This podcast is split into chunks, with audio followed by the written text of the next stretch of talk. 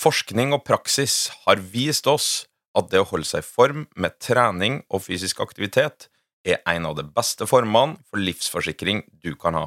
Men ingen av oss vet hvilke retninger livet tar oss i, og selv ikke trening kan beskytte deg mot uforutsette hendelser som brann og ulykker i hjemmet ditt, et sykt barn eller forsikre bilen din. Til det her har du forsikringene til Fremtind Forsikring, som er eid av Sparebank1 og DNB. Ready, set, go! Hjertelig velkommen til prestasjonsprat med Eirik og Melina. Hei, Melina. Hei, Eirik. Og hjertelig velkommen til deg som lytter òg. Det må jeg jo, fikk jeg påpakning her, både jeg har glemt å si tidligere, så det, da gjør jeg i hvert fall nå. Ønsker velkommen tilbake, eller velkommen som ny lytter. Det nærmer seg jul med stormskritt. Um, vi måtte utsette uh, starten av denne podkasten her fordi at du, Melina, hadde kjeften full av gløgg og krumkake. Ja, jeg har akkurat svelget unna gløggen her. Og man skal ikke svelge eller knase på podkast, så Nei. Det, det tar seg ikke ut. Lytterne våre vil høre adekvate ting omkring trening, og ikke på at vi spiser eh, Stapper magen full av sirupsnipp, eh, fattigmann, Goro, pepperkake og kronkake. Alle kakene som du egentlig ikke syns er noe digg. Ja, nei, jeg er egentlig veldig motstander av alle dere Jeg vet ikke om det er sju sorter lenger, men eh, 52 sortene eh, Tørre kaker. tørre kjeks og tørre kaker som eh, skal være til jul. Eh, jeg er nok mer der at jeg syns gulrotkake, napoleonskake, sånne ting burde ha vært julekaker. Potetgull som Og julegodteri. potetgull som julekake hadde vært dritdigg. Det, eh, og så er jeg mer på dessert enn på dere julekakene. Altså sånn riskrem, eh, magisk, eh, karamellpudding, yummy. Eh, eh, eh, det syns jeg er bedre. Du skal nok få muligheten til å fortære det også. Men vi sitter jo her og Jeg fortsetter jo på, på dette som jeg snakket om eh, sist vi tok en fot i bakken, med podkasten, var at nå skal jeg liksom gå inn for å lage skikkelig julestemning. Og her sitter vi med tente lys, en julestjerne i blomsterpotta og ja, nevnte julekaker og gløgg foran oss, så jeg syns det er ganske koselig. Ja, jeg, hivd, jeg prøvde meg på et eksperiment i stad, å lage hjemmelagd Fox, eller sitronfudge. Ligner mer på påske sånn fargemessig, men eh, vi begge to er veldig glad i sure ting. Altså Sånn sur, sursøte, men mest sure. ja, sitron, eh, for eksempel. Eh, og her om dagen så spiste jeg en Fox, og da gikk det opp et lys for meg at mhm, det, kanskje jeg skal prøve å lage eh, hjemmelagd Fox til jul. Ah, vet du hva den konsistensen og den sånn som det nå ser ut til at det blir, da, minner meg om? Nei. Det minner meg om de der energibarene som vi bruker en del av om sommeren. De eh, som er sånn eh, banana fudge og bringebær og fra, Jeg tror det er fra Enervit eller noe sånt. Ok. Eh, Ja, det er jo akkurat sånn Så kanskje dette er en ny sportsbar? Ja, For det er rimelig eh, høyt energiinnhold per eh, vektenhet. ja, det er jo høykonsentrert sukker, smør eh, og sånn kondensert melk. som- Hvit sjokolade. Og hvit sjokolade, ja. Eh, Så det eneste som er i nærheten av å kan kalles sunt oppi her, det er 1 dl med sitronsaft. Eh, utover det så er det faktisk høyoktan. Ja. Men du, når ble vi Matpodden? Jeg vet ikke. Nei, vi må Eh, komme oss videre. Vi må komme oss videre. Uh, kjapt, fot i bakken. Du har fått kne ut av ledd. Ja, det, og det glemte jeg faktisk å si forrige gang. Det var, sånn, det var det største som skjedde meg denne uka. Uh, og det var at jeg, jeg satt på lekematten med vår lille pode, og jeg skulle egentlig bare Jeg gjorde ikke noe fancy, det var ikke noe triks, det var ikke noe sånn spenstig inn i bildet, egentlig. Jeg skulle bare snu meg fra en side til en annen, og plutselig satt jeg der med et helt låst kne. Det var pissevondt. Eh, låst i 90 grader og kom ikke av flekken. Heldigvis så satt han lille knerten rett ved siden av meg, så jeg holdt tak i bodyen hans, for han skal ikke krype overalt liksom, og finne på rare ting. Mens jeg da ringte deg og ba deg bare komme sporenstreks hjem fra butikken, siden nå kom jeg ingen vei. Så da, mens jeg tok den telefonen, så satt jeg og lurte på om 113 skulle være mitt neste telefon. Um, så Og det Så satt jeg der og lirket litt sånn, fikk ikke strukket ut, men kunne bøye inn og kunne rotere litt på foten. Så da satt jeg der da, og auet og akket meg, men kunne liksom ikke gjøre for mye nummer ut av det heller. For han lille, jeg ville ikke at han skulle bli redd fordi jeg så helt skrekkslagen ut. Så, men plutselig så reponerte det seg selv, da. Eh, Det vil si, altså det datt på plass sånn som det skulle, med en sånn skikkelig sånn ekkelt klunk. Og vi tror jo det var en patellaluksasjon, hvor du får kneskjellet på en måte, det popper ut og popper inn igjen, eller at det, eh, det er et eller annet med bakre menisken. Men, men eh, det er vanskelig å si sånn i ettertid. Det har i hvert fall eh, rukket å bli ganske bra siden da. Men det er jo en skikkelig sånn scare, og jeg merker jo sånn Det er jo mye ledd, eller væske i leddet fortsatt, eh, så det vil jo være økt risiko for at det skal skje igjen i løpet av neste ja, nå blir det neste fire ukene, da. Og jeg kjenner jo innimellom litt sånn tendenser til det. Så det er jo, jeg må innrømme at du får jo litt sånn frykt for å bevege deg, da. Når det skjer noe sånn akutt veldig vondt, og som du vet kan skje igjen. Eh, Så jeg må merke at eh, jeg må liksom jobbe meg litt ut av den frykten, faktisk. Ja, og du, nå drar jeg på samling i morgen og blir borte ei uke. Og da Kan ikke bli sittende da. Nei, det er litt lenger å komme sporenstreks fra Sjusjøen til, til Oslo. Men eh, jeg kommer, jeg, hvis det skjer noe, for så vidt. Men, eh, Ja, det er hyggelig å vite da. men det, det, du må jo prøve å unngå Ja. å få ledd, eh, kne ut av ledd. Og så skal Eller ledd ut av kne. Ja, eh, skal jeg egentlig trene øvelser eh, som hører til en protokoll som heter Heavy Slow, som er en ganske kjent rehab-protokoll, som fungerer egentlig for vel, et bredt spekter av eh, problemer. Greia med den er at den gjør deg ganske mye sterkere. Um, og stabilitet er alltid fint. Men nå er det jo vanskelig å få trent tungt siden ting er koronastengt og sånn, så akkurat nå for tiden blir det mer sånn mer sånn balanse- og koordinasjonsøvelser. Propriosepsjon, som det så fint heter. Trene opp leddsansen igjen. Og så får jeg gå på den eh, tunge protokollen når jeg får tilgang til litt mer eh, jern å flytte på. Ja, oss, ø, ø, og av alle ting så har vi vært midtsidepiker, eller i hvert fall framsidepiker, i, i skisport. Ja, eh, det mm, var litt frem og tilbake med, med bilder og om det skulle på cover eller ikke, men nå har vi begge to havnet eh, med da en selfie som vi tok bare helt på hyrten og styrten rett før vi dro fra Natterudstilen en dag. Eh, du har solbriller på, som vanlig. Det er veldig vanskelig å få et utendørsbilde av deg som ikke er sånn presseoppdrag eh, på jobb uten solbriller. Jeg er ikke så glad i å bli tatt bilde av sånn i utgangspunktet på sånn selfie-mode. Det er jeg som liksom prøver å glitre inn i kameraet med, uten, uten briller der, da. Det som er litt morsomt, det er jo egentlig liksom det som står på forsiden av det coveret. At du er kona til. Der står det Eirik Myhr Nossum og kona med podkastsuksess. Ja. Kona til. Så jeg er nok en gang kona til. Og det er liksom sånn, i noen kretser innenfor treningsbransjen så er det ingen som vet hvem du er. Altså sånn, sorry Erik, men det er det ikke, liksom. Er det liksom Det går helt fint. Ja, det går helt fint. Der er på en måte mitt navn mer kjent. Og så har vi liksom enkelte eh, Altså når man kommer ut i liksom rikspressen, så er jo selvfølgelig du et mye mer kjent navn, og det er helt greit. Du skal gjerne få skinne. Eh, men eh, jeg tenker litt sånn ja, det er jo greit å kanskje Det kunne jo stått Eirik Myhren Nossum og Melina eh, med podkast altså, sånn, altså, det kunne spinne det either way, da. Men det her er et sånt evig issue for de som er konene til noen. Bare for å arrestere deg, du ville ha sagt Eirik Myhr Nossum og Melina? jeg vet hva fader jeg, men egentlig hva som helst Melina annet. da. Hva som helst annet. Da ville jeg heller at det skulle stått Eirik Myhr Nossum med podkastsuksess, og ikke vært nevnt i det hele tatt. For at det blir bare sånn For meg, som er eh, Nå hører dere at jeg er feminist, og hvis du ikke er feminist i 2020, så er du jo bare helt politisk eh, ukorrekt og bør egentlig bare gjemme deg bak en stein.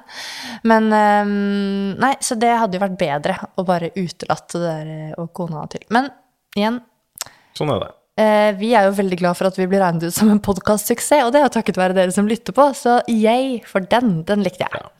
Eh, Det er jo ikke det eneste vi har gjort sammen. Eh, Det, det er jo noe som heter Sammen i vintertid, Ja, som vi er med på. det er vi med på. Og det er et uh, veldig fint initiativ uh, av lege og trenings- og helseentusiast Trude Salte. Eh, også kjent som Kettlebell-Trude på Instagram. Hun er veldig fin å følge. Har masse fine treningsfilmer og eh, mye bra å komme med. Og hun har startet en eh, læringsplattform i form av en Facebook-gruppe som heter Sammen i vintertid. Og der har hun jo samlet inn eh, mange videoer fra ulike profiler, kjente personer, eh, som forteller om eh, fordeler med fysisk aktivitet, og hvordan man bør bedrive det, og i det hele tatt mye informasjon om fysisk aktivitet. Men det initiativet her, det innebærer også en slags liten, skal vi kalle det en challenge, eh, hvor noe av greia er at altså, vintertiden nå er jo den er mørk, nummer én. Eh, og akkurat nå med, spesielt med koronatider, så er den jo kanskje ekstra tung. Mange syns jo vinteren er tung i seg selv, men nå er det liksom en ekstra dimensjon. Eh, så denne eh, liksom, plattformen er også et sted hvor man kan eh, f.eks. slenge ut at eh, hei, jeg bor der og der, er det noen som har lyst til å gå tur, er det noen som vil være med på dette? Altså, man kan knytte kontakt med andre, da. Eh, så det er en del av det. Eh, det er for så vidt ikke challengen. Challengen er jo det at man skal invitere noen med seg til å gå tur. Og som folkehelseforsker så må jeg jo si at den effekten av gange er ofte undervurdert. Altså det er, og det snakket vi om i en av de første podkastene også. Bare det å liksom komme seg ut, gå tur, Rør seg. rør seg, da er mye gjort. Denne uka her så er det jo vi som har eh, vår lille film ute. Eller den, ikke nå når podkasten kommer ut, men den uka hvor vi sitter og spiller inn nå, da. Mm. Så da eh, sier vi et par ord om hukommelse. Ja, hvordan mm. fysisk aktivitet faktisk påvirker vår eh, hukommelse. Og på et vis påvirker vår hjerne, da. Ja, det er kjempespennende. Jeg husker jeg hadde en sånn sommer hvor jeg hadde helt sånn hjernedilla. Så da leste jeg masse om uh, trening og hjernen og fysisk aktivitet og hjernen, og det, det Alt henger sammen, da. Men jeg vil jo gjerne, når vi nå først har denne podkasten her, oppfordre alle sammen til å følge den Facebook, eller gå inn og bli med i den Facebook-gruppen. Eh, og om ikke du kjenner liksom sånn ja, jeg skal ikke ut og rusle tur før jeg driver med andre ting. Det kan være mye interessant der å lære likevel, og du kan tipse andre om den. Og Trude har også vært på God morgen Norge og snakket om dette her. og Det er mange som har blitt med allerede. Så det er bare å melde seg med. Sammen i, I vintertid, vintertid. heter det det, altså. Uh, I år som i fjor så prøver vi å ta et, en liten opprydning i en overfylt innboks hva gjelder spørsmål. Vi, mm, vi rekker ikke å, å besvare alle i de ulike podkastene vi har, eh, så vi prøver å ta noen nå. Likevel så er det jo overfylt, og tusen hjertelig takk for det. Både. Tilbakemeldingene og spørsmålene som sendes inn, det er med å holde podkasten her virkelig i live. Og det gjør det òg enklere for oss å komme på nye temaer etc. Og interessant for oss, da, for det kommer jo inn spørsmål som ikke vi har fundert på selv. Og det er jo litt ekstra gøy. Og i dag blir det en sånn eh, herlig liten julepotpurri. For ofte så har vi jo et tema, og så kjører vi liksom spørsmålene, blir på en måte bakt inn i enten om vi intervjuer noen eller snakker om et tema. Men nå er det blanda drops. Så da hopper vi til årets julespesial. Første spørsmål. Hvorfor trener mange med mindre syre i grunntreningsperioden? Ja, eh, og da holdt på å si, vil jeg jo tenke Altså med mindre syre, da, så vil jeg jo tenke at han mener mindre hardøktig. Um, for vår del så handler jo det om at den grunntreningsperioden eh, for en skiløper er jo eh, Kall det mai, juni, juli, august. Ta med september òg, da. Eh, I hvert fall sånn som jeg regner det. Så klart, det er kanskje noen av de månedene hvor vi har størst antall treningstimer.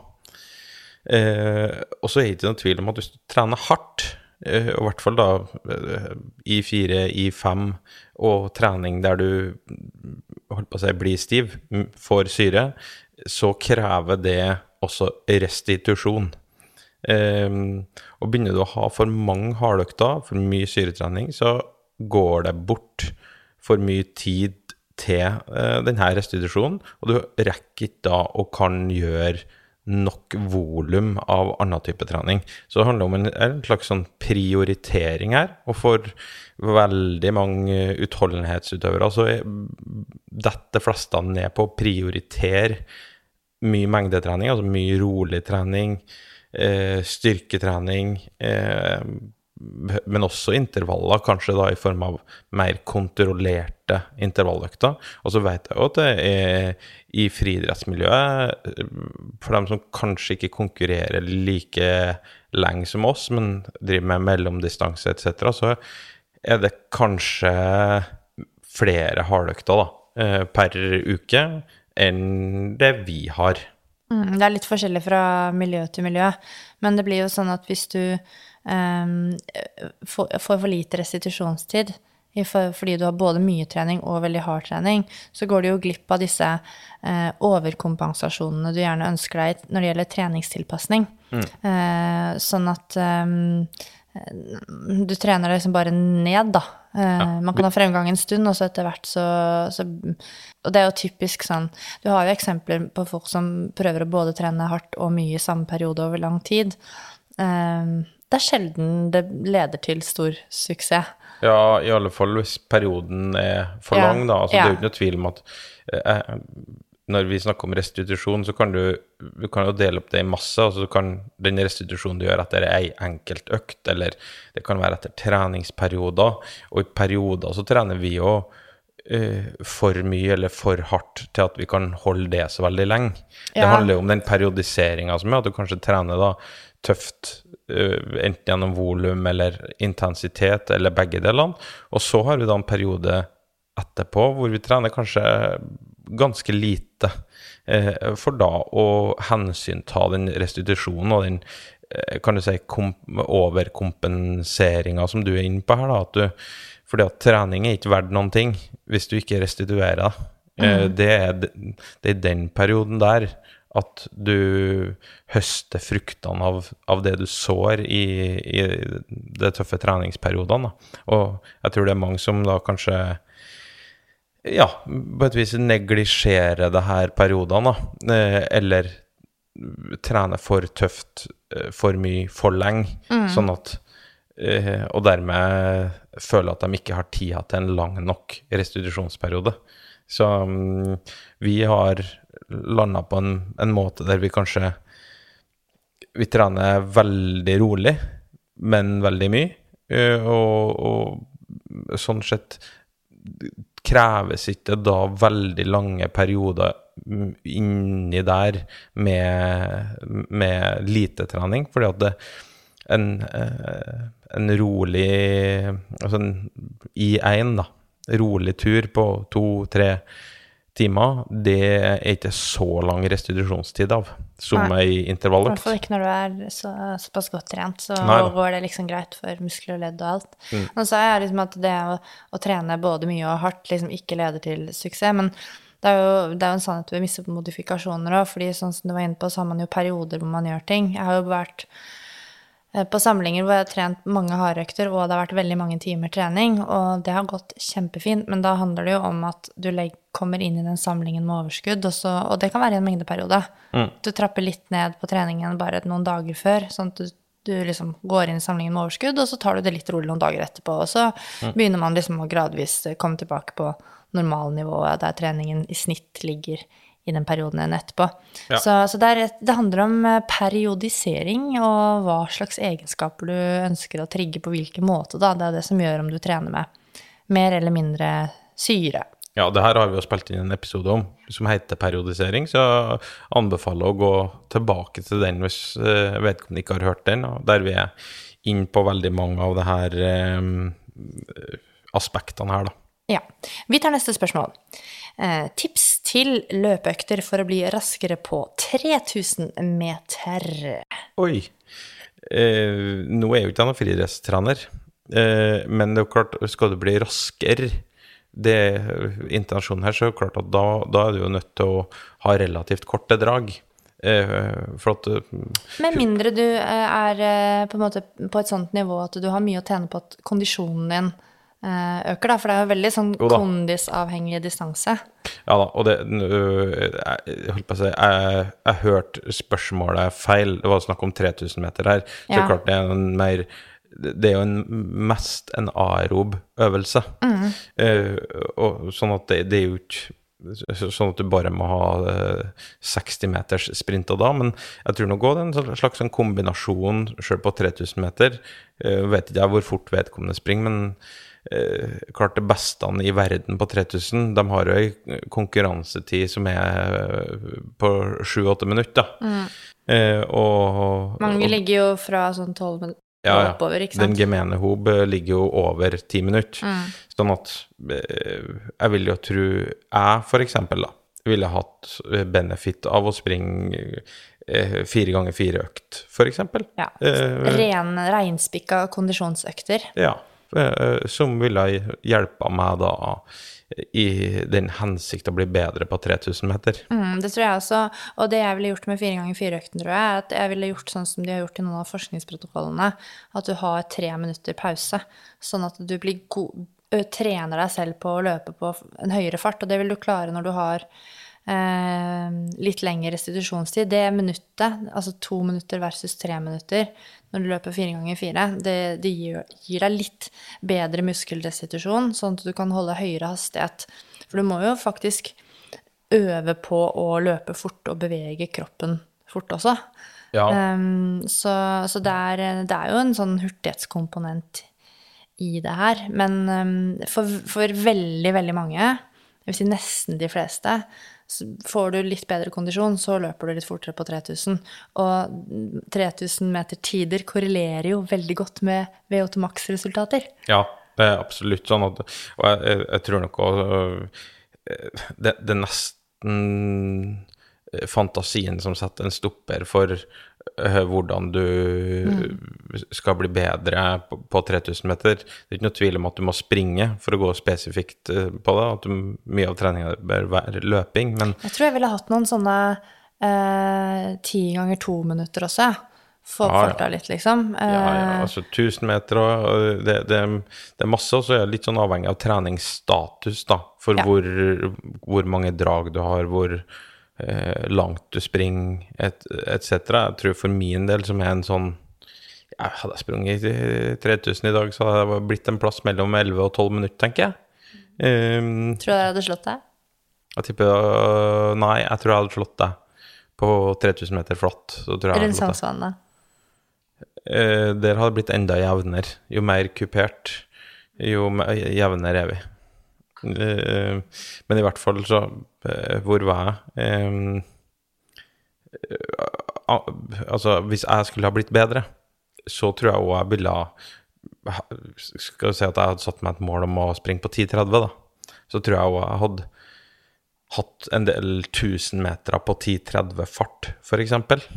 Eh, Eventuelt litt raskere og litt kortere. Ja, for å um, venne meg på den farten. Og for dem som har fulgt med Team Ingebrigtsen, så ser en jo at de må drive spesifikt og ha litt kortere drag på 1500 fart eller 5000 fart, eh, som det er det de trener for, da.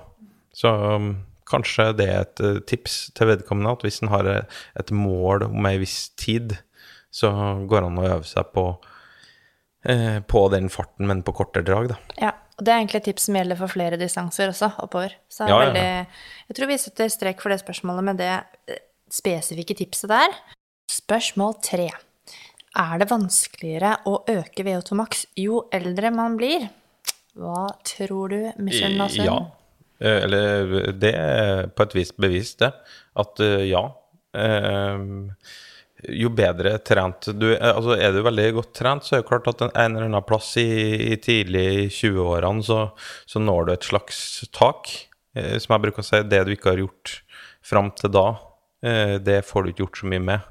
Ja, Da- det var jo veldig oppløftende for mange som lytter på, da. Eh, og det her gjelder først og fremst på det, det jeg vil kalle eliteutøvere. Eh, da er det andre ting som de kan bli bedre på derfra. Eh, og så er det klart en, en eh, mer utrent type Eller middels trent, Ja. eller ja, vil kanskje kan oppleve større framgang på V8max sjøl om en er litt oppe i årene. Eh, Ja, det har jeg veldig mange eksempler på fra Ja. laboratorietester. Men det er klart at eh, her er spørsmålet om det er vanskeligere å bedre V8max jo eldre en blir, og svaret på det er jo ja. For at vedkommende som er 45, vil kanskje oppleve stor bedring hvis vedkommende begynner å trene, men han kunne kanskje Hadde han gjort det her når han var 19, så ville han kanskje fått en enda større framgang av akkurat den samme type treninga. Så framgangen detter med økende alder. Ja, og det snakket vi jo om i podkastepisoden der vi hadde med oss professor og fysiolog Jonny Hysdal, og vi snakket om hjertet. Det er en av mine favorittepisoder, fordi ja, vi bare elsker å snakke med Jonny. Ja, det er veldig zen. Og det som, eh, så den, den anbefaler vi virkelig uh, å lytte på hvis ikke du har gjort det enda. Men uh, det som eh, vi annet kommer inn på der, er at man får uh, f.eks. mer bindevev i hjertemuskulaturen med økende alder, som gjør at den, hjertemuskulaturen også blir noe stivere. Og selve den den evnen som hjertet har da, til å slappe av og trekke seg sammen, den er jo avhengig av den eh, hva skal man si, kontraktile, altså den kvaliteten på eh, hjertemuskelvevet. Ja, og, og ikke minst uh, den, den venøse tilbakeføringa av blod til hjertet. Vi, vi kan oppleve at da blodårene våre blir stivere, sånn at den tilbakeføring Og det skjer med økende alder med samtlige. Ja. Eh, så, Så det er både på perifert nivå, altså ute i blodårene og ute i kroppen, kan det skje ting som kan påvirke VO2-maks, men også sentralt, da, som er selve. Men eh, Jonny snakker litt mer inngående om det, men det er, ja, det er flere årsaker, da. Eh, Ja. Til at eh, det blir vanskeligere med økende alder, men det betyr ikke at det ikke er mulig. Og det er Altså, øker du VO2 max bare med et par milliliter, så får du en eh, stor helsegevinst. Eh, og du kan også eh, Altså, vi vet jo at VO2 max-nivået henger tett sammen med eh, levetid, f.eks. Og også um, at risikoen for veldig mange sykdommer reduseres når VO2 max øker. Sånn at det er eh, alle grunner til å, å trene for å øke VO2 maks og være fysisk for å få opp kondisen, selv om fremgangen ikke ville bli like stor som når du var yngre, da. Og vår første podkastepisode noensinne for over et år siden, den omhandla da det her gullstandarden innenfor utholdenhetstrening, som da VO2 Max er. Så at uh, hvis du er litt ekstra interessert, så går du tilbake dit, og så går du tilbake til hjerteepisoden med Jonny Hissdal. Da har du dekket veldig Covered. mye av det som omhandler VO2 Max, i denne podkasten i hvert fall. Ja. Da er ikke dette en sånn referansepodden, dette er julepodden. Men eh, det er jo fint å minne litt om eh, hva vi har drevet med når vi starta, da. Ja, neste spørsmål. Spørsmål fire. Det syns jeg er et interessant spørsmål. Um, har dere noen tips til hva man bør gjøre som skiløper etter videregående hvis man har lyst til å gi det et forsøk? Eh, ja, masse tips, for så vidt. Nå vet jo ikke jeg hvor vedkommende bor, eller eh, sånn der, men jeg tror det er viktig hvis du skal satse ordentlig som senior, eh, det å ha et, et godt miljø rundt seg. Eh, enten i klubb eller krets eller eh, den biten der. Eh, Det er, eh, det er selvfølgelig flest hverdager. Det er mye av treninga må gjøres på egen hånd, men det er klart at den matchinga du kan få i et, i et godt treningsmiljø, den eh, tror jeg er veldig, veldig essensiell, da. Hvis du skal um, give it a go. Og jeg er jo veldig opptatt av at hvis du skal gi, gi noen en sjanse, så må, må du gå litt sånn helhjerta også inn i det. Det betyr ikke at eneste du lever ånde for, må være eh, trening, hvile og spising. Eh, det, det kan være at du absolutt bør ta noe fag og, og ha hodet prøve å gjøre noe annet også med hodet. Så jeg, jeg tror det er veldig mange eksempler på folk som kommer rett fra videregående og, og tar friår, øh, eller flere friår, og satser, så kan det hende at hvis de ikke er veldig flinke sånn utafor trening, så blir det litt sånn ensomt, og det blir litt sånn Du går og sitter og ser på at maling tørker. Ja, og i hvert fall hvis du sant, De fleste vil jo oppleve en liten periode Kanskje du fikk en liten småskade du må ta litt hensyn til, kanskje du ble litt forkjøla. Eh, Altså sånn, og de periodene hvor du da eh, kanskje banker bordet, ikke får eh, trent akkurat sånn som du ønsker, eller kanskje må ta det litt mer med ro. Dette skjer jo alle som satser innenfor idrett, for man lever jo litt sånn på kanten i forhold til hva kroppen tåler av belastning og sånn. Og av og til kan det bikke litt over, eh, men, men da har du liksom ingenting annet, da.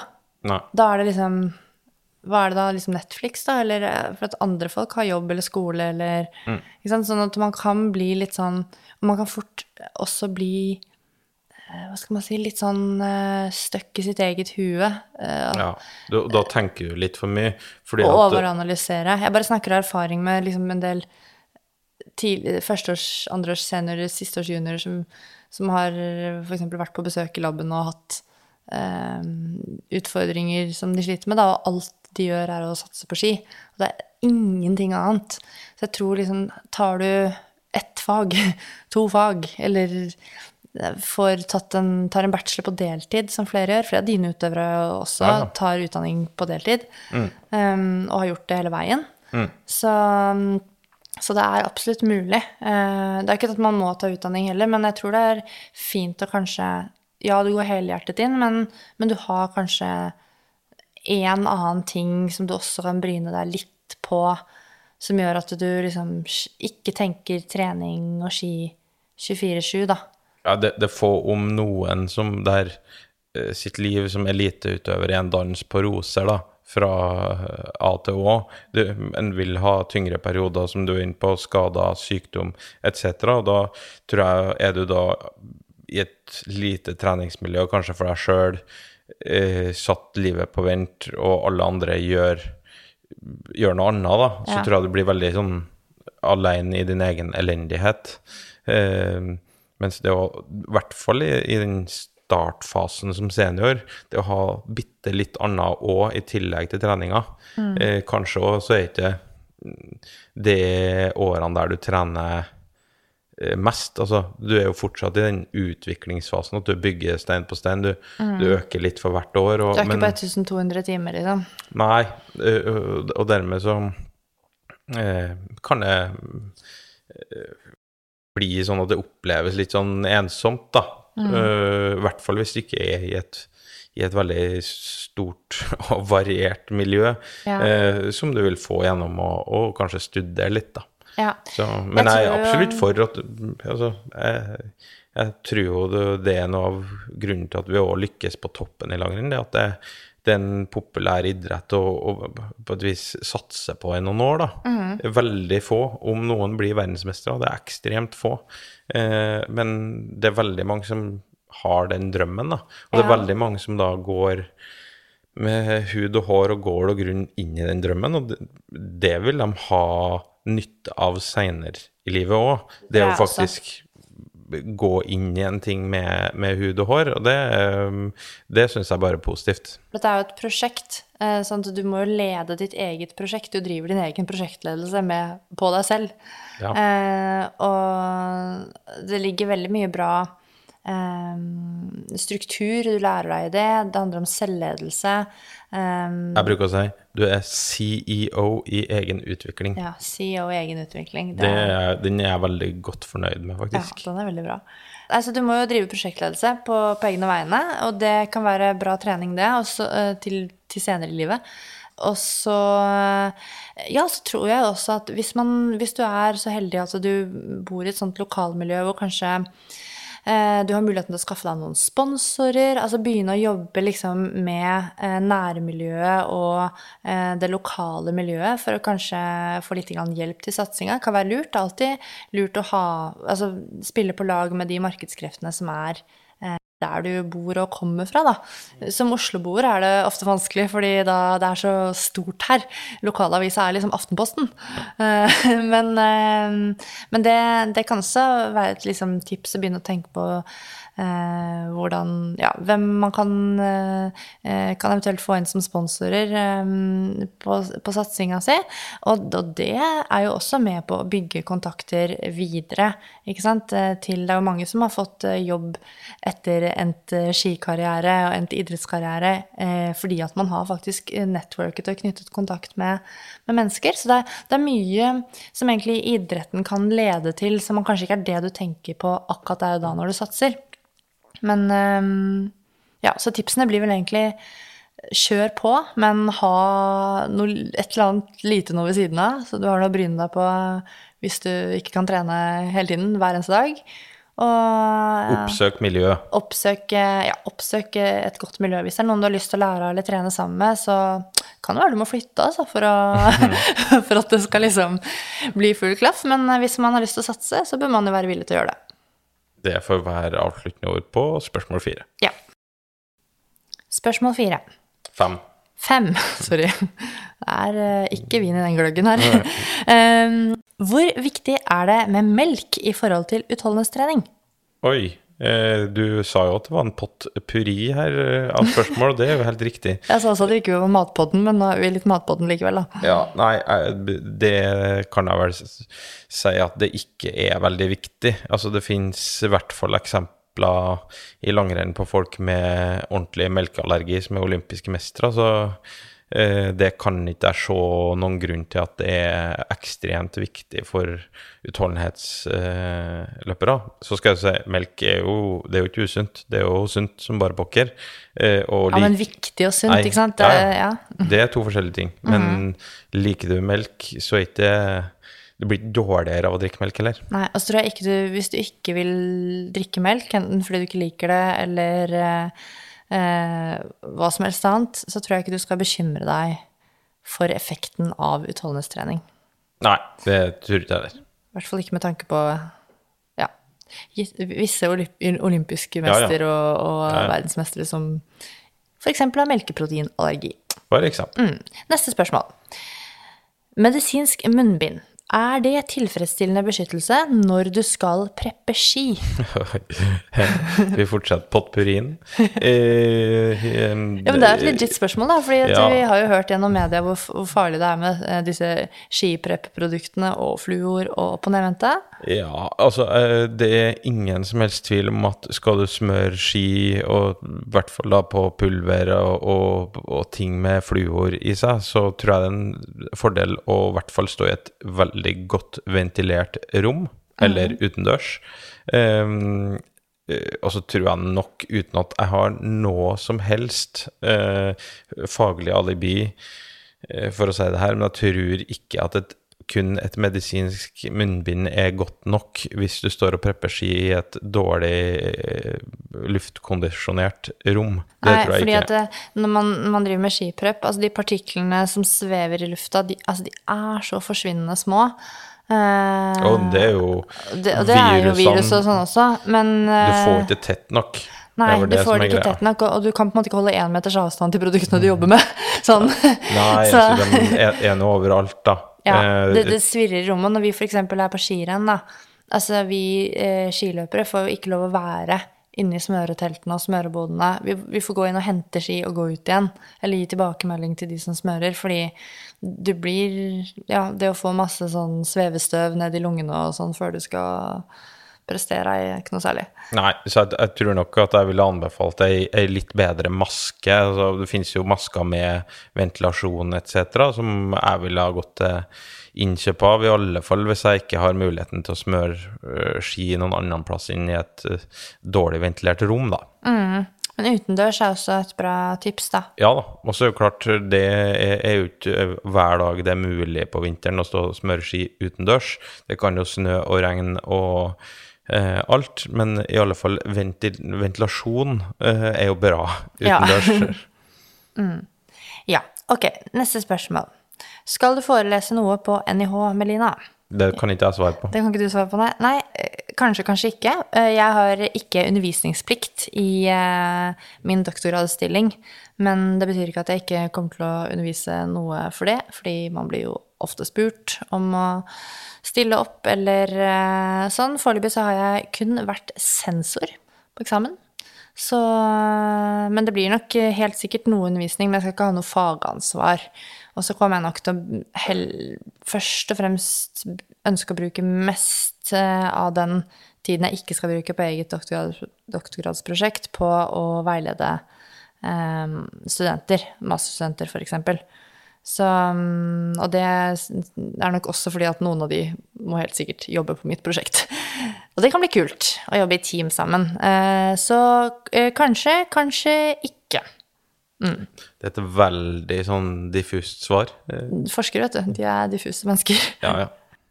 Neste spørsmål er Kan biologisk medisiner mot revmatisme påvirke restitusjonen eller andre forhold ved trening? ja. Eh, Hva er revmatisme, Eirik? Må du kanskje forklare først? Eh, Det er en sånn smeltedigel eh, av det som eh, folk kanskje kjenner som leddgikt, leddplager, f.eks. Jeg er jo en av dem. Jeg er jo en raumatiker. Jeg har til og med vært på framsiden av eh, Revmatikernes eh, blad. Ja. Eh, Så det Nå har jeg både skisport og, og eh, revmatikerbladet. Se på deg. Så nå, nå topper det seg. Eh, eh, nei, jeg har psoriasis artritt, eh, som er en eh, form for revmatisme. Og jeg går òg på sånn biologisk medisin, som har vært en game changer for meg.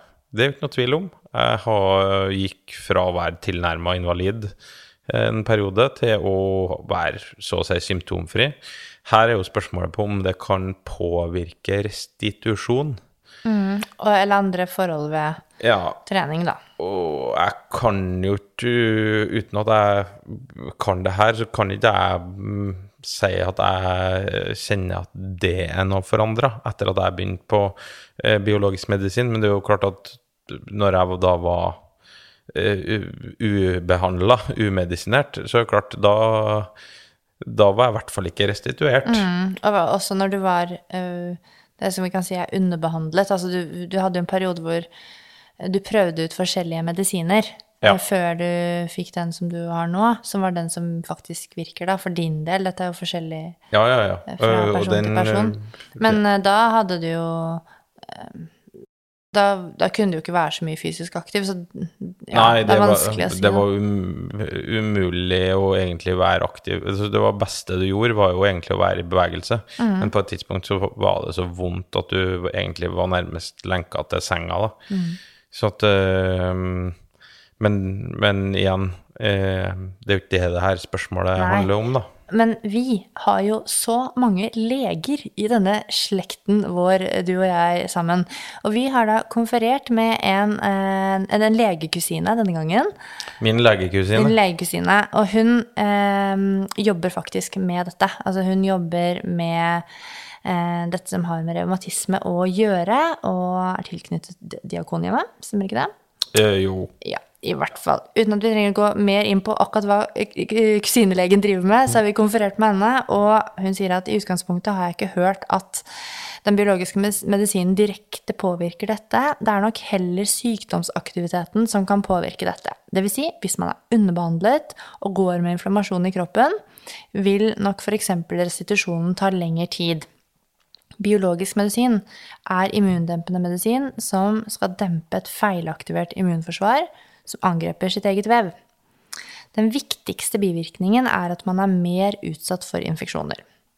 I tillegg vil nok eventuelt andre bivirkninger kunne påvirke trening og restitusjon negativt. Altså dette vil jo si da eh, om man får en bivirkning, hvis man er så uheldig da, å få en bivirkning av medisinen. Ja. Du har jo ikke fått noen sånne, eksempel. Der er det bare mm, smileyface og Jo, jeg har fått, eh, jeg har fått sixpack, store biceps Ok, og blitt hysj, jeg er ikke ferdig med svaret.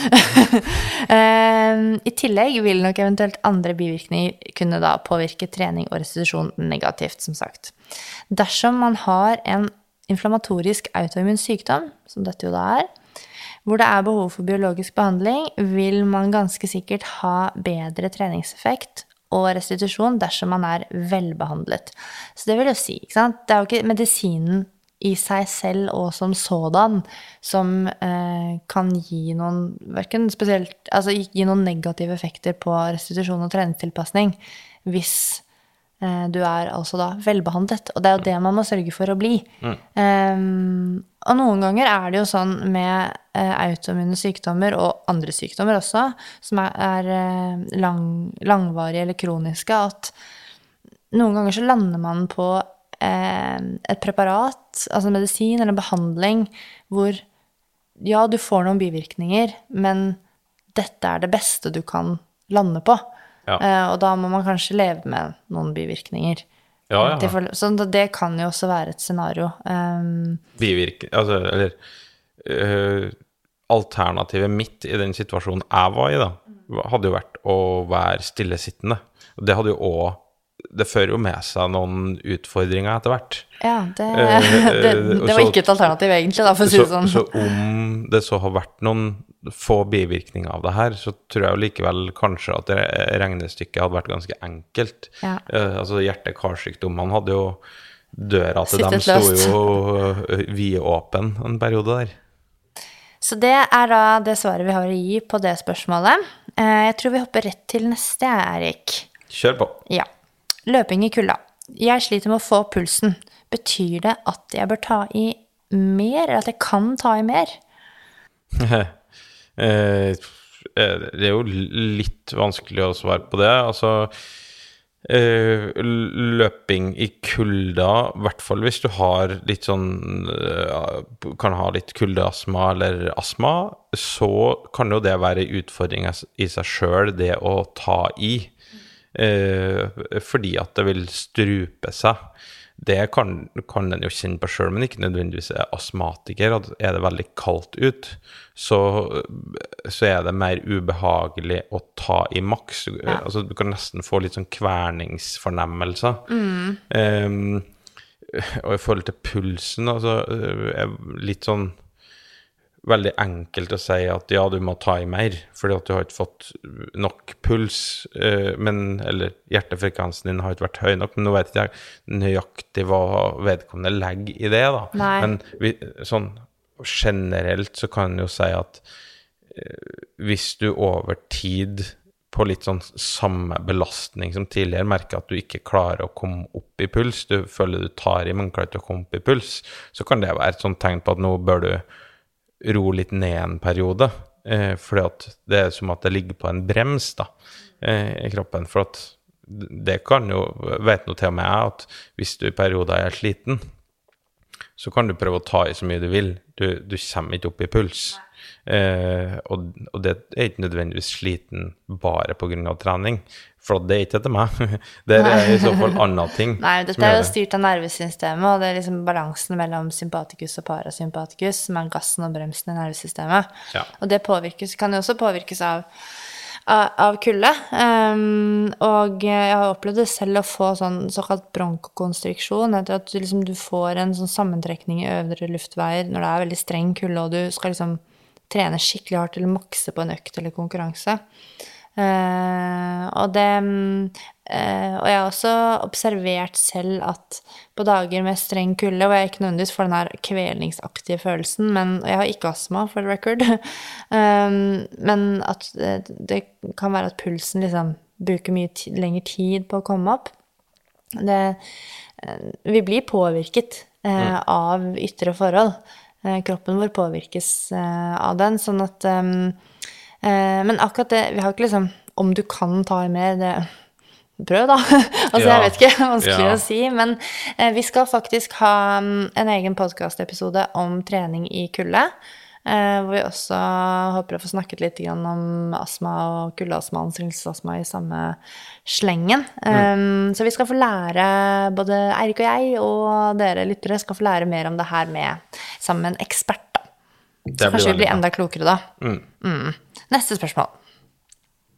Skal vi se, skal vi se.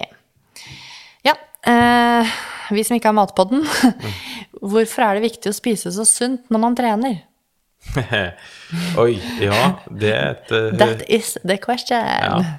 Eh, Du, kan jo på et vis eh, argumentere litt for begge leirer her. Det viktigste av alt er jo at du har et, et, et, et inntak som er, er nok på kalorisida. eh, I hvert fall over tid. Eh, har, får du deg for lite, så vil du, vil du gå ned i vekt. Og gjør du det for lenge eller for mye eller for fort, eh, masse sånn der, da det får negative konsekvenser for ikke bare prestasjonen din, men mye annet kan Men- gjøre. Hvis jeg da mm, får meg nok energi ved å spise dine nydelige sitronfudge-biter, eh, kan jeg ikke bare gjøre det, da, så lenge jeg får nok energi? Og jeg har tenkt å begynne med det nå. Du begynner med den nå, ja? Jeg skal komme meg gjennom jula på sitronfudge eh, og gløgg. Nei, poenget er vel at uh, i litt mer, kall prosessert og usunn uh, mat, da, i gåsehudene, så det er jo ikke komplett med alle næringsstoffer vi faktisk trenger. Det er nok Du kan nok dekke ditt kaloribehov, men eh, vi har jo vært innom noen mer Altså f.eks. jern. Eh, har vi vært innom. Det er mye vitaminer som er, er viktig for oss. Det er til- viktig å, å spise sunt fordi Altså, sunt kommer an på du, hvordan du definerer det, og hva du legger i det. For i hvert fall for oss podkastvertene her, da, så er vi ganske enige om at sunt, det er liksom å følge statens kostråd. Um, og deriblant så handler det om å spise variert. Eh, og du skal jo ha fet fisk, og du skal jo ha så og så mange gram med frukt og grønt, osv., osv. Men den variasjonen gjør jo at du klarer å dekke inn behovet kroppen har for mikronæringsstoffer, som f.eks. jern, da. Um, og um, hvis du eh, spiser eh, ultraprosessert mat eller junkfood, eh, mat som kanskje er energitett, men ikke så næringstett, så over lang tid så kan man jo kanskje få eh, mangelsykdommer. Da. Kanskje ikke du får eh, tilstrekkelig med fremgang på trening fordi du mangler eh, eh, de rette mikronæringsstoffene. Altså, det kan gå utover ernæringsstatusen. Ja. Eh, sånn at det er jo ut ifra et helseperspektiv. Ja. Kanskje en, og etter hvert så altså Først og fremst fra et helseperspektiv er det jo viktig å spise sunt, men det kan jo også gå utover evnen til eh, eh, Rett og slett til, altså kroppen skal tilpasse seg til trening. Kanskje du får dårligere fremgang. Og får du dårligere fremgang, så vil jo også prestasjonsevnen bli dårligere.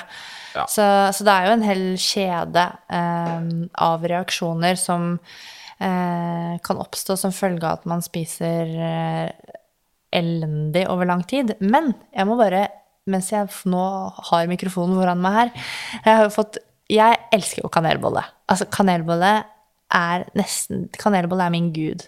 Jeg har nesten et religiøst forhold til kanelbolle. Hvis det er et sted det selges kanelbolle, så må jeg kjøpe den. Fordi jeg må teste alle kanelboller jeg kommer over, i jakten på den beste. Og jeg har jo fått noen kommentarer på at jeg legger ut mye kanelboller på Instagram. Min private, ikke prestasjonsprat, men Instagram. Og um, hva jeg tenker om å spise så mye kanelboller og så ofte og sånn. Men så er det jo det, da, at hvis du på en måte Ja, det kunne jo sikkert vært bedre for eh, helsen eh, på ett vis å droppe kanelbolle og spise brokkoli istedenfor. Men jeg har liksom dekket inn alt jeg trenger i forhold til statens kostråd. eh, og det som er sunt og bra for meg. Så da bruker jeg noe av de caloriesene jeg skal ha for å være i energibalanse, de har jeg råd til å bruke på kanelbolle, fordi jeg lever et meget fysisk aktivt liv, og ammer jeg ammer. Så kanelbolle er mitt ammetillegg. Og jeg må jo selvfølgelig innrømme at i denne permisjonstiden så har kanelbolleforbruket gått veldig, veldig opp. Du har ikke kommentert det, men eh, jeg vet at det har det. Det er jo fordi at jeg òg får kanelbolle, kan få litt oftere. Ja. Jeg ammer jo ikke. Nei, obviously. Men jeg er jo også glad i kanelbolle. ja. Jeg takker jo nei. Nei. Så, at, Så- eh, da, jeg, prøver, jeg er veldig forsiktig da med å si noe, for da kan det hende at mine eh, oh, ja, du har tenkt deg At jeg spiser litt mye kanelboller? nei, nei, nei, nei. På ingen måte. Jeg håper ikke det. Nei, så det, ikke sant? det er jo igjen dette med balanse, da.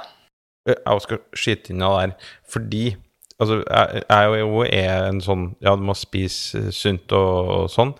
Og så er det noe sånt tidspunkt Jeg vet jo det sjøl. Altså, når jeg var i sånn ordentlig utvikling som idrettsutøver, altså junioralder, og du trente mye, gikk på skole eh, og kjørte på, sky's the limit, så klart, i de periodene der, så tror jeg nesten at jeg sleit med å få i meg nok kalorier.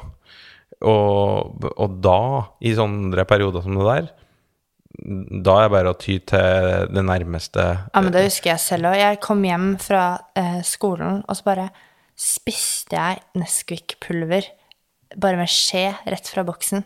Fordi jeg bare, jeg bare cravet energi. Jeg var helt sånn Ja. Ja, helt sånn Jeg måtte bare ha det liksom fort. Ja, og, og, og over tid så er jo der energibalansen òg fryktelig viktig. Eh, I hvert fall skal du utvikle deg og ikke gå ned for mye vekt, da, som kan gjøre at utviklinga stopper. Da, da, da må du ha i deg nok energi. Og hvis du da av en eller annen grunn uh, sliter med å få i deg nok, så er jo sånn uh, For min del, da er potetgull og fastfood og sånn, det er en uh, veldig enkel måte å få i meg energi på. Ja, Og for meg er det nå kanelbolle. Så det, kanelbollen hjelper meg å holde vekta oppe. Det er bra. Ja, Ja, Eh, ok, vi nærmer, nærmer oss slutten på denne spørsmålspodden, som ikke er en matpod. Nå kommer et treningsrelatert spørsmål, Eirik. Hvordan kan man holde jevn form gjennom en hel sesong? Ah, altså man ikke skal lage formtopp, altså. ja. Det er jo Det er jo veldig enkelt i Eller veldig enkelt, altså teori og praksis her. Eh, nå vet jeg ikke om vedkommende er skiløper, da, men for en skiløper så er jo sesongen typisk fra november og, og ut mars, eh, midten av april kanskje. Eh, og det er en ganske lang periode å, å være i form på. Eh, første du må gjøre gjennom vinteren, det er å ikke bli sjuk, ikke bli skada. Eh, etc. Fordi at det perioder med sykdom, det Eh, og, og dermed ingen trening, det er ødeleggende. Men det er klart, øh, sånn som vi prøver å planlegge for, altså på worldcupnivå så planlegger jo Vi planlegger for suksess. Vi planlegger for at øh, alle utøvere skal gå veldig, veldig mye skirenn. Altså, det kan være fra Hvor mange konkurranser er det egentlig på et, en sesong? Ja, sånn som i fjor, så var det vel eh, 42 worldcuprenn, da. Og så i tillegg til nasjonale skirenn, da. Nå gikk jo ikke all, alt, og sesongen ble jo noe avkorta på slutten, men at Men det er mye. Uh, du har perioder der det er utøvere som går 30-35 skirenn, i Men alle fall. Og, og, da er jo klart at sånn som vi har da prøvd å lagt opp til, er jo med å trene veldig store mengder i den grunntreningsperioden, og, og tett, egentlig holde og trene ganske mye tett inn til sesongen. Fordi at vi vet at når sesongen starter, så er det mye reisevirksomhet, det er mye konkurranser som ipso facto, det krever litt restitusjon, og du ikke kan trene så mye. Og da for å sikre da en mer jevn form, så må vi være ekstremt godt trent når sesongen starter.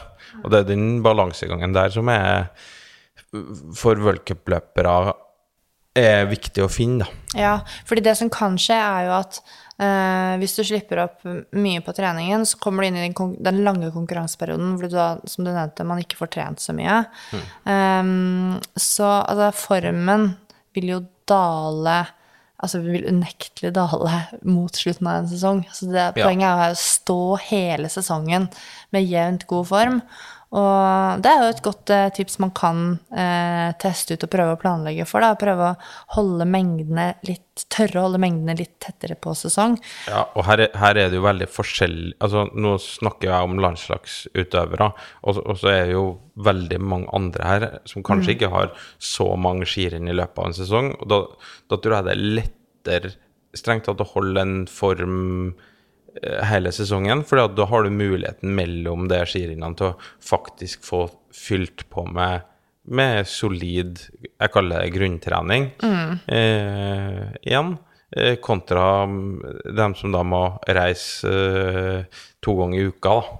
Ja, og jeg tror jo det er veldig fornuftig når du ikke må da reise eh, to ganger i uken og, og gå så mange renn, at du faktisk kan se og planlegge. Nå er rennkalenderen annerledes, da, men i et normalt konkurranseår At du kan se og kanskje plukke vekk et par rennhelger til fordel for å legge inn en treningsperiode.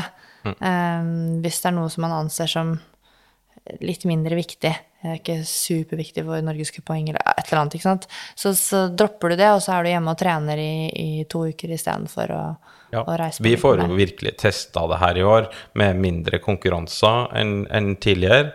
Eh, om vi faktisk da klarer å, å, å bli enda bedre eh, av det. Jeg er jo av dem som tror at trening eh, funker ekstremt bra, eh, med tanke på å bli i god form.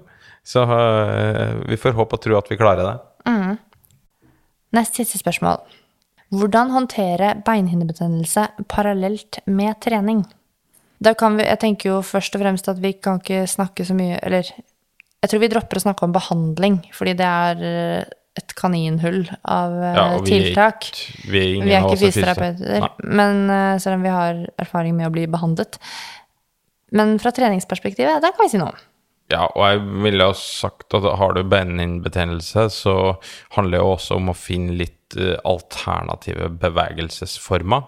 Klart, det er ikke sikkert at løping på hardt underlag er, er det lureste å gjøre. Eh, Da vil det alltid ha en Selv om det er kort og at du ikke trener så lenge, etc., så vil du alltid, tror jeg, kanskje risikere å forlenge det her skadeavbrekket, da. Mens det finnes jo veldig mange andre måter å trene god utholdenhetstrening på uten å løpe. Ja, jeg tror hvis du klarer å tenke at nå skal jeg, jeg skal stimulere hjertet, og så skal jeg få liksom sørge for at muskulaturen får seg noe stimuli, eh, og ikke liksom bli så opphengt i at åh, man må få trent så spesifikt. Legge det liksom litt fra deg, og så eh, kan man kanskje stå litt på skierg, eller man kan legge opp en sirkeløkt eh, som får opp blodpumpa, som ikke belaster eh, eh, beinhinnene så veldig. Altså man kan gjøre andre ting for å holde den fysiske Sykkel. Holde den, ja, det, er ikke, det er ikke for alle at det er så digg, men det kan være ålreit. Kan teste ellipse. Men det jeg vil kanskje si, og selv om ikke jeg behandler, er jo at ikke tren med leggsmerter, som er da relatert til beinhinnebetennelsen, fordi det er så seigliva, og du kan håndtere ganske Altså, du kan håndtere smerte inntil et visst nivå og tre, få trent ganske mye selv om du har vondt, men det tar bare lengre tid, og det er, jeg har hatt skikkelig beinhinnebetennelse selv, og også hatt uh, utøvere og kunder som har pådratt seg det også. Uh, det er så utrolig kjipt uh, å ikke ta det på alvor, og så blir det liksom en veldig langvarig greie. Så Ja, jeg- mitt råd er bare sånn, du må bare ta det med én gang. Ja, jeg føler dere er som en en sånn skorpe på kneet. Pirker inn. Altså, altså, jo mer du pirker på den, jo lengre tid tar det før det såret gror, da. Mm. At uh, all sånn akilles, beinhinne Føler jeg sånn Ja, Det er ikke så lett å avlaste beina. eh, Som, altså vi går jo rundt på beina. ja, ja. Og de, for folk som har gå- og stå-jobb, da. Hvis du har en sånn gå- og stå-jobb, så prøv å finne kanskje måter du kan sitte litt på, eller avlaste deg selv i arbeidshverdagen. Stå og lene deg litt mer, kanskje, enn at du står opp og ned, rett opp og ned. Bytte skotøy. Eh, bruke sko inne. Altså det er mange sånne ting man kan gjøre for å redusere belastningen og variere belastningen, i tillegg til det som du sa, da, Erik, som er det med å finne andre bevegelsesformer. Ja. Aquajog er jo Aquajog. Noen som bruker. Akkurat nå er bassengene stengt, da, så eh, Sjøen er aldri stengt. Nei, åh, gud. ja, ja nei, det, det, det kan jo være aktuelt, det. det jeg skal, ikke, skal aldri si aldri. Men så, vil, så tenker jeg også at um, du må kanskje teste deg frem til å finne akkurat den treningsdosen som er innafor, da. Eh, Hvis du kan løpe 15 minutter uten å få vondt, så løper du 15 minutter. Hvis du skal løpe 20 minutter og få vondt, så løper du ikke 20 minutter. Så det er liksom prøve å finne hvor går grensen, og så holde deg akkurat innenfor. Et spørsmål til, og det er det siste spørsmålet. Eirik, dette spørsmålet går til deg. Okay. Gjert eller Nossum? Eh, 100 av tilfellene så må jeg jo si Gjert, da. Ja. Gjert er jo det- Legende. ja, han, han er en legende, rett og slett. Ja. så jeg må, da må jeg si Gjert. Ja. Det har vært altfor narsissistisk å sagt meg sjøl. Jeg sier også Gjert. Ja, ja, selvfølgelig. Da, dere, tenker jeg at vi eh, takker for eh, For oss har det vært et fantastisk 2020. Det har ikke vært det Helt topp. for alle. Um, vi har hatt våre utfordringer, vi også, relatert til korona, men vi har hatt det mest veldig fint, og det er vi supertakknemlige for.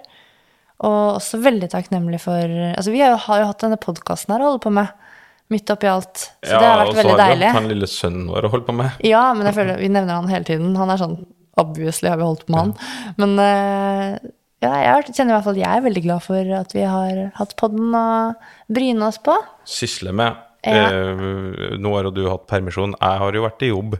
Eh, så jeg har jo hatt noe å holde på med stort sett hele tida. Men eh, eh, jeg tror vi bare avslutter med å si vi ønsker alle ei fantastisk god jul. Og et veldig godt nyttår. Og så prekes vi i 2021. God jul. God jul!